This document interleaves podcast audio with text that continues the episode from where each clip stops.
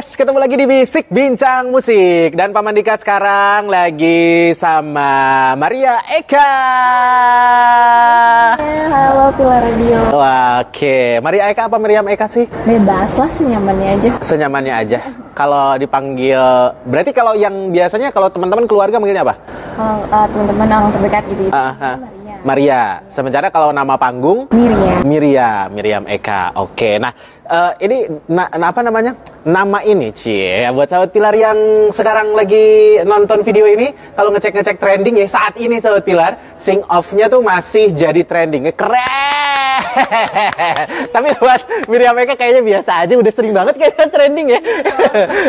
Dari sekian banyak sing off kan emang sering banget trending gak sih? Iya. Apa sih rasanya trending bisa ditonton jutaan orang kayak gitu? Hmm, rasanya seneng sih. Senang, senang. Seneng terus jadi apa? Mikir untuk nextnya harus lebih keren lebih keren lagi. Ah, oke. Beban dong, bukan? Beban yang menyenangkan. Beban yang menyenangkan. Emang ada ya beban yang menyenangkan? Ya itu jadi uh, sekaligus memicu kan. Ah. Masih biar aduh harus lebih keren lagi pokoknya gitu. Hmm. Biar berkembang lagi. Hmm, oke. Nah, ini kan kalau ngomongin tentang bisik gitu ya, bincang musik. eh, banyak orang yang udah tahu siapa eh, Miriam Eka gitu. Tapi kalau ngomongin tentang karir, karir di musik, sebenarnya mulainya dari kapan sih? Uh, kalau karir masuk ke industri Hmm. mulai dari tahun 2019 2019 baru banget tuh. Baru banget, aku uh, selesai dari ajang pencarian bakat waktu itu di Hmm. Rising Star. Hmm. Nah sebelum-sebelumnya kan aku cuma nyanyi di kota aku sendiri ya di Jogja. Di Jogja. Hmm, kayak nyanyi di kafe-kafe, Hmm. atau mungkin ikut lomba-lomba kecil Hmm. gitu. Nah waktu setelah dari uh, ajang pencarian bakat, Hmm. aku sign sama label, sama manajemen gitu-gitu. Terus baru memulai karir aku di industri musik. Hmm, oke. Tapi suka musiknya dari kapan? Suka nyanyinya deh gitu. Kalau suka musik, suka nyanyi udah dari kecil. Dari kecil. Dari dalam kandungan mungkin? Dari embrio. dari embrio udah nyanyi dari embrio udah nyanyi bisa aja dari kapan Eh, dari kecil karena eh, orang tuaku yang dari ayah kalau Hmm, dari ayah itu musisi itu kan Oh. ayahku juga drummer jadi Ah, ah. udah sering dapat asupan asupan musik itu dari kecil. Oh oke. Jadi s- eh, waktu kecil udah gedebak-gedebuk ya? Sering dibawa misalnya ayah manggung Ah, ah. kan sering dibawa terus nyanyi. Oh oke. Jadi darah musik dari ayah nih? Oke terus sampai sekarang juga kuliah ngambil musik apa enggak dulu ya. Dulu ya oh oke. Jadi emang musik tuh emang dari kecil sampai sekarang jadi karir ya kan? Dan eh, titik balik deh kalau ngomongin musik kan biasanya gitu. Ada orang yang bilang bahwa oh, oke gua kayaknya titik balik gue di musik tuh pas ini deh gitu. Kalau Miriam Eka kapan? Pas ikut ini? Pas ikut ajang pencarian bakat itu atau kayak gimana? Setelah dari situ sih malah. Setelah dari situ? Iya. Karena justru lebih beratnya berasa setelah dari situ karena kalau di dalam kompetisi Hmm. kan eh, ruangnya cuma di situ aja ya Ah. lawannya cuma itu iya iya iya iya, iya. kompetisi Sem- semua kontestan yang ada di season itu gitu ya Saya lagi berkompetisi di situ. Hmm, hmm. Ketika kita ke- udah keluar Iya. dan mulai terjun ke industri, Ah, ah. istilahnya saingannya udah seluruh udah semua yang ada di industri musik gitu ya Jadi harus bisa apa nih? Aku Hmm. punya apa yang Hmm, bisa hmm. diberikan Hmm, gitu hmm, orang-orang hmm. supaya berbeda mungkin atau ya setidaknya aku punya ciri khas sendiri Hmm, hmm. atau apa yang bisa bikin orang menarik apa tertarik kayak gitu. gitu. Nah, kalau ngomongin tadi kan biasanya gitu, ada ada ada yang ditawarkan buat penikmat musik. Nah, kalau eh, Miriam Eka apa yang mau ditawarkan ke penikmat musik supaya kayak ini eh, Miriam Eka gitu. Hmm, kalau dari segi suara sih kebetulan waktu aku di ajang cari bakat juga juri itu bilang kalau aku punya ciri khas yang Hmm. aku bahkan nggak nyadar emang ciri Apa itu? gimana karena aku juga ngerasanya suara aku kayak sama-sama aja gitu Iya. banyak lah Ah, yang suaranya kayak aku gitu tapi nggak tahu kenapa dia bilang nggak kamu tuh ada ciri khasnya dari dari warna suaranya apa ada karakternya Hmm, hmm, hmm. terus pas aku dengar-dengar lagi iya sih aku baru mulai nemu terus kayak temen-temen aku kalau misalkan aku minta review misalkan hmm, di single hmm, gitu hmm.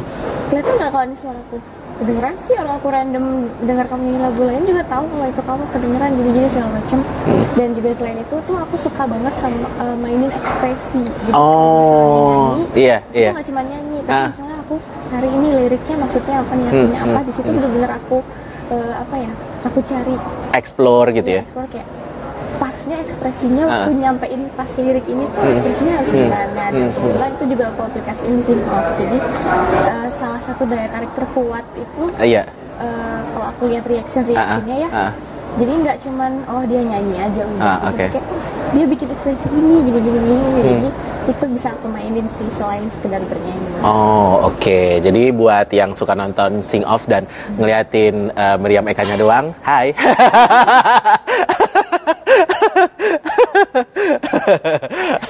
Oke, dan sekarang punya single nih, judulnya Jodoh Orang.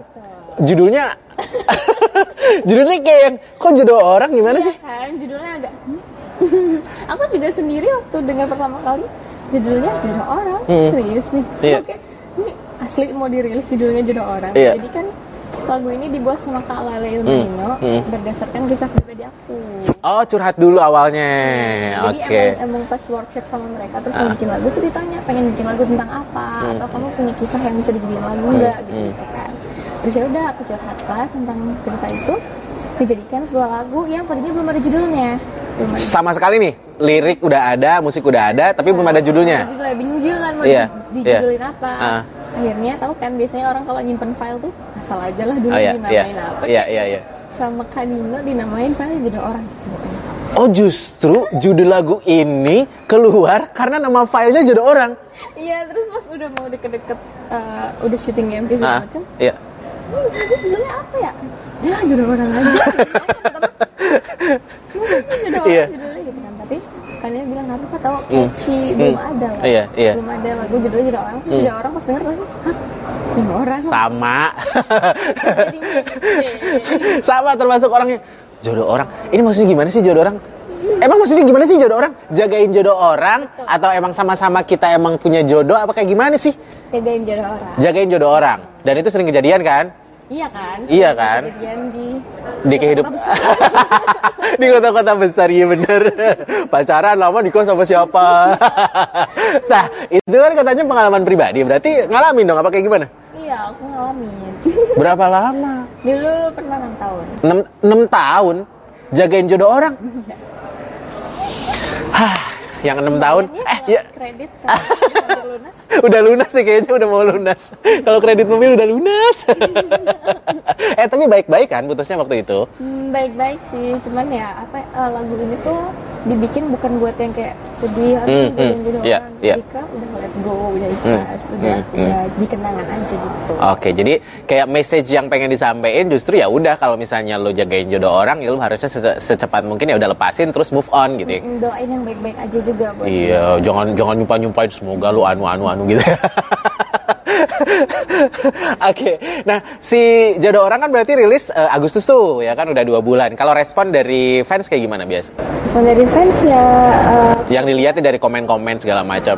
Eh, secara secara musikal ya Hmm, hmm. secara musikal responnya bagus karena kebetulan kalau Lemonino adalah salah satu pencipta lagu yang sangat luar biasa Hmm, hmm. terus juga eh, apa ya notasinya tuh catchy gitu Catchy, iya, kayak nadanya hmm, nadanya lucu nih Hmm, menurut hmm. aku juga kalau aku pembuatan juga aku request pengennya yang nadanya kayak ala ala Disney gitu Oh, oke. Uh, terus uh, secara lirik sih ya mungkin kalau yang relate kayak nyesek gitu. Hmm. Tapi kalau yang nggak ngalamin dan semoga jangan ngalamin. Iya, karena emang sakit banget ya itu. ya siapa sih yang pengennya? Iya. ya paling mereka ini sih kalau yang nggak relate mengagumi secara musikal, kalau yang relate mungkin bisa dua-duanya Hmm, hmm. merasakan juga, tapi secara musikal dia suka. Oke, dan eh, ngegarapnya kan sama Lala Ilmanino.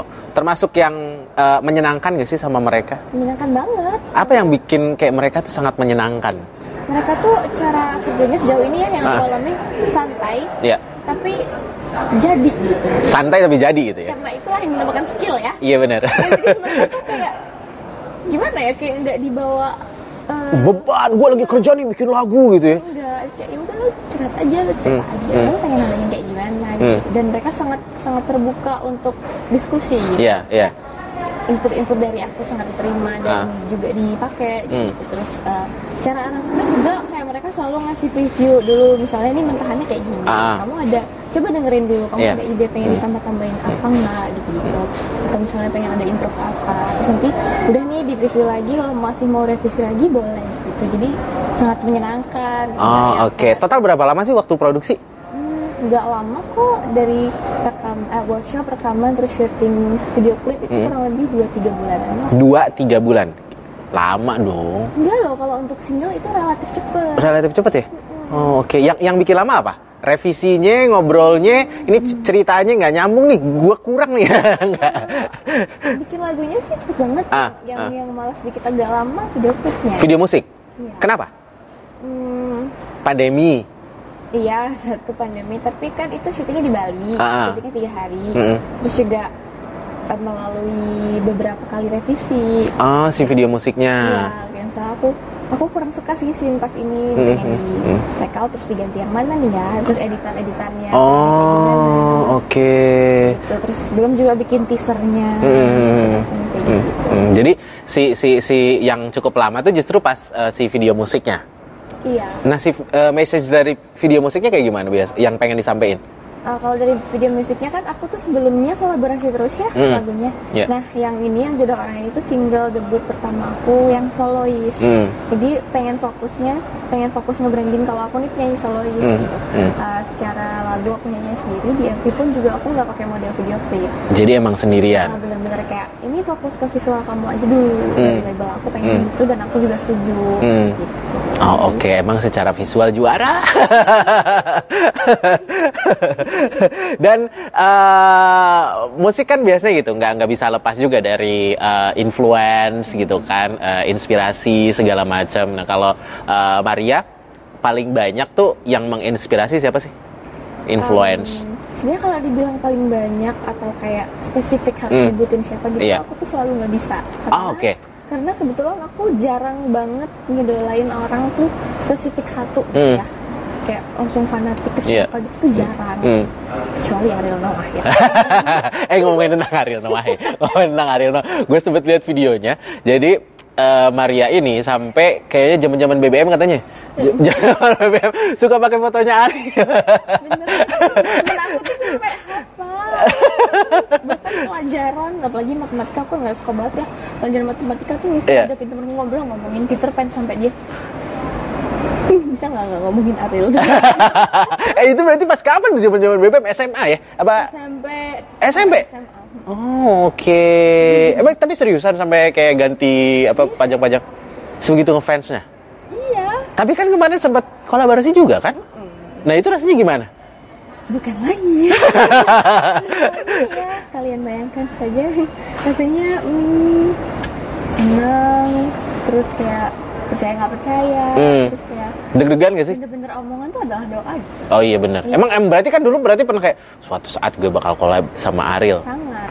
At least bisa ketemu, Hmm, itu juga hmm. salah satu wishlist, tapi ternyata Iya. sangat melampaui Hmm. ekspektasi. Ternyata nggak cuman bisa nyanyi bareng misalnya di panggung, Hmm. on the spot gitu Iya, ya, iya, tiba-tiba iya. diajak duet terus Ah. udah aja gitu. Ah. Ternyata ini diajak collab yang di, dibikin project. Dibikin project gitu ya. Berarti kan diskusi ngobrol segala macam. Nah, pas diskusi ngobrol segala macam sama Ariel yang dirasain apa?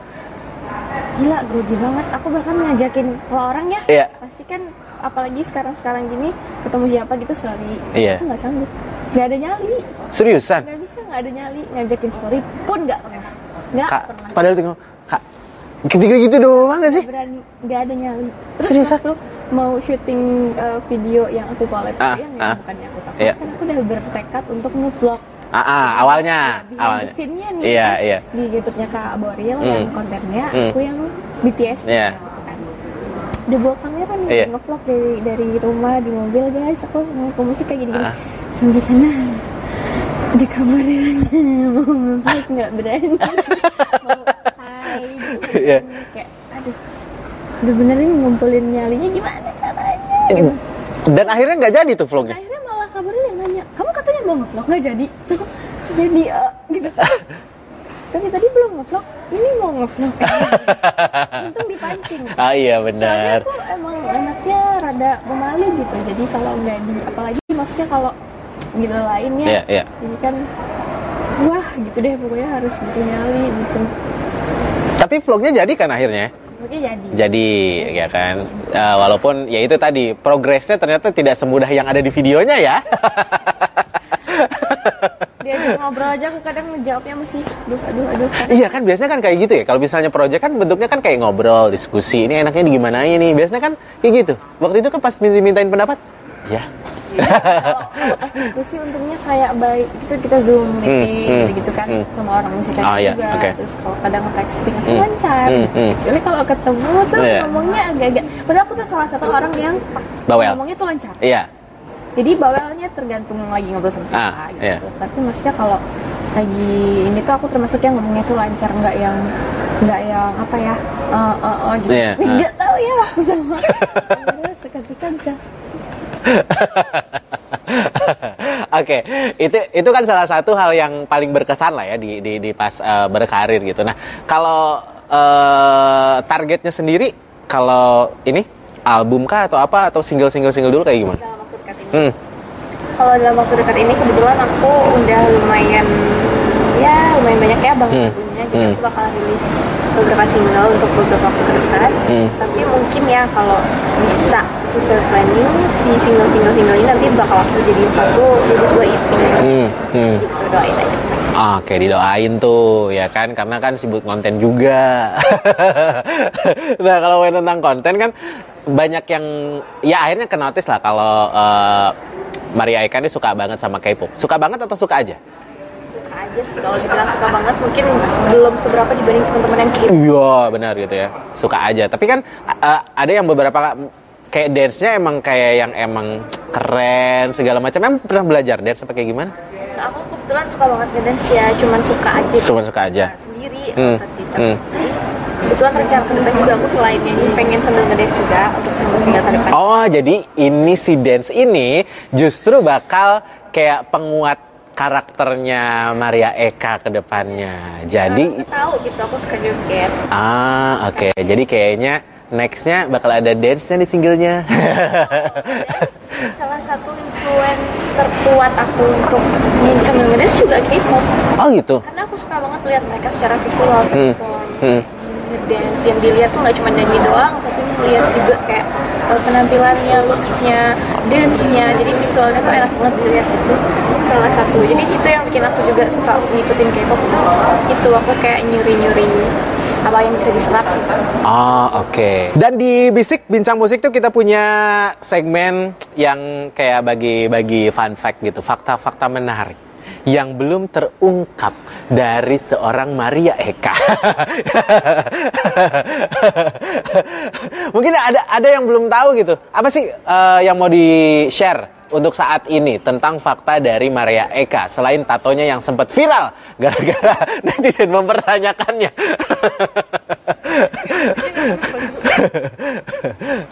Apa? Kayaknya emang nggak ada soalnya aku Ah.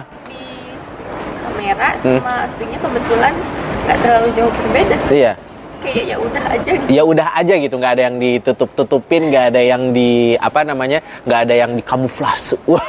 Kecuali kalau memang kayak privacy Hmm. kehidupan yang terlalu pribadi kayak gitu-gitu mah wajar ya Hmm, hmm. semuanya memang harus menjaga Hmm. privacy Oke. masing-masing gitu. tapi kalau secara apa pun yang bisa di share Ah. Ya kayak gini aja aku. Oh oke, jadi emang selama ini yang di share di sosial media apa yang kelihatan eh, sama apa namanya sama fans gitu ya, ya emang selama ini Miriam Eka emang kayak gitu gitu ya, nggak ada yang dibuat bikin-bikin. di bisik bincang musik tuh biasanya emang ada fakta yang di share secara berbisik, tapi karena memang bisikannya Miriam takut berbahaya. berbahaya lagi.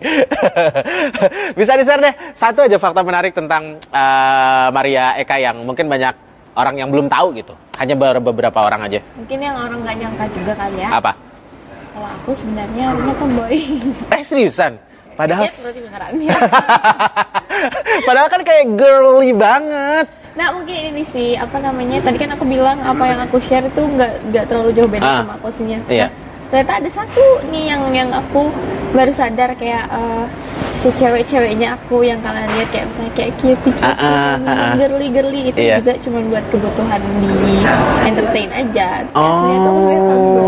Tapi juga nggak yang terus aku berusaha trying so hard untuk fake jadi cewek gimana sebenarnya juga iya. enggak itu kayak aku tuh ada mode-nya sendiri gitu bisa ke switch di mana aku harus jadi cewek di mana aku tapi kalau misalkan orang kenal aku Iya. terus misalnya kita spend time bareng Hmm. lama Hmm. gitu misalnya Hmm. kayak gini-gini Hmm. promo Hmm. kan Hmm. di hotel Iya. bareng Ah. sampai nanti malam sampai nanti pagi ketemu lagi kayak gitu biasanya baru ketahuan oh oke jadi yang yang selama ini mungkin orang belum tahu tuh uh, Maria Eka tuh kadang-kadang muncul sisi tomboynya Hmm. keluar gitu ya oke uh, untuk karir ke depannya apa yang diharapkan banget sama uh, Maria Eka? Pastinya eh, yang pasti sih nggak nggak nggak jauh beda sama musisi-musisi lainnya. Pengen karirnya bisa sukses bisa cemerlang bisa bersinar bisa acting mungkin? Em, pengen sih pengen. Kalau kalau jadi sih aku ada project web series gitu juga. Uh keren. belajar ya belajar pelan-pelan siapa tahu rezeki juga Hmm, hmm. kan bisa ke mana-mana nggak cuma nyanyi doang Hmm. gitu sih ya aku masih inilah masih merintis masih belajar pengen explore banyak hal Hmm, Oke, buat sahabat Pilar yang pengen tahu banyak tentang uh, Maria Eka, bisa cek di mana aja. sosial media aku paling aktif ada di Instagram @mariaeka underscore terus mungkin kalau ini di TikTok juga ada @mariaeka hanya dua hanya dua ya gitu. Jadi silahkan tuh di follow semua sosial medianya dan jangan lupa juga untuk selalu request di jam-jam request Pilar Radio lagu barunya Maria Eka judulnya Jodoh Orang Betul. ya. Buat yang pernah jagain jodoh orang. Kalau yang belum ngalamin semoga nggak ngalamin kan? semoga jangan Thank you Maria Eka udah ngobrol-ngobrol di Basic uh, bincang musik dan buat sahabat Pilar juga jangan selalu eh, jangan lupa untuk selalu stay jams di Pilar Radio your favorite channel.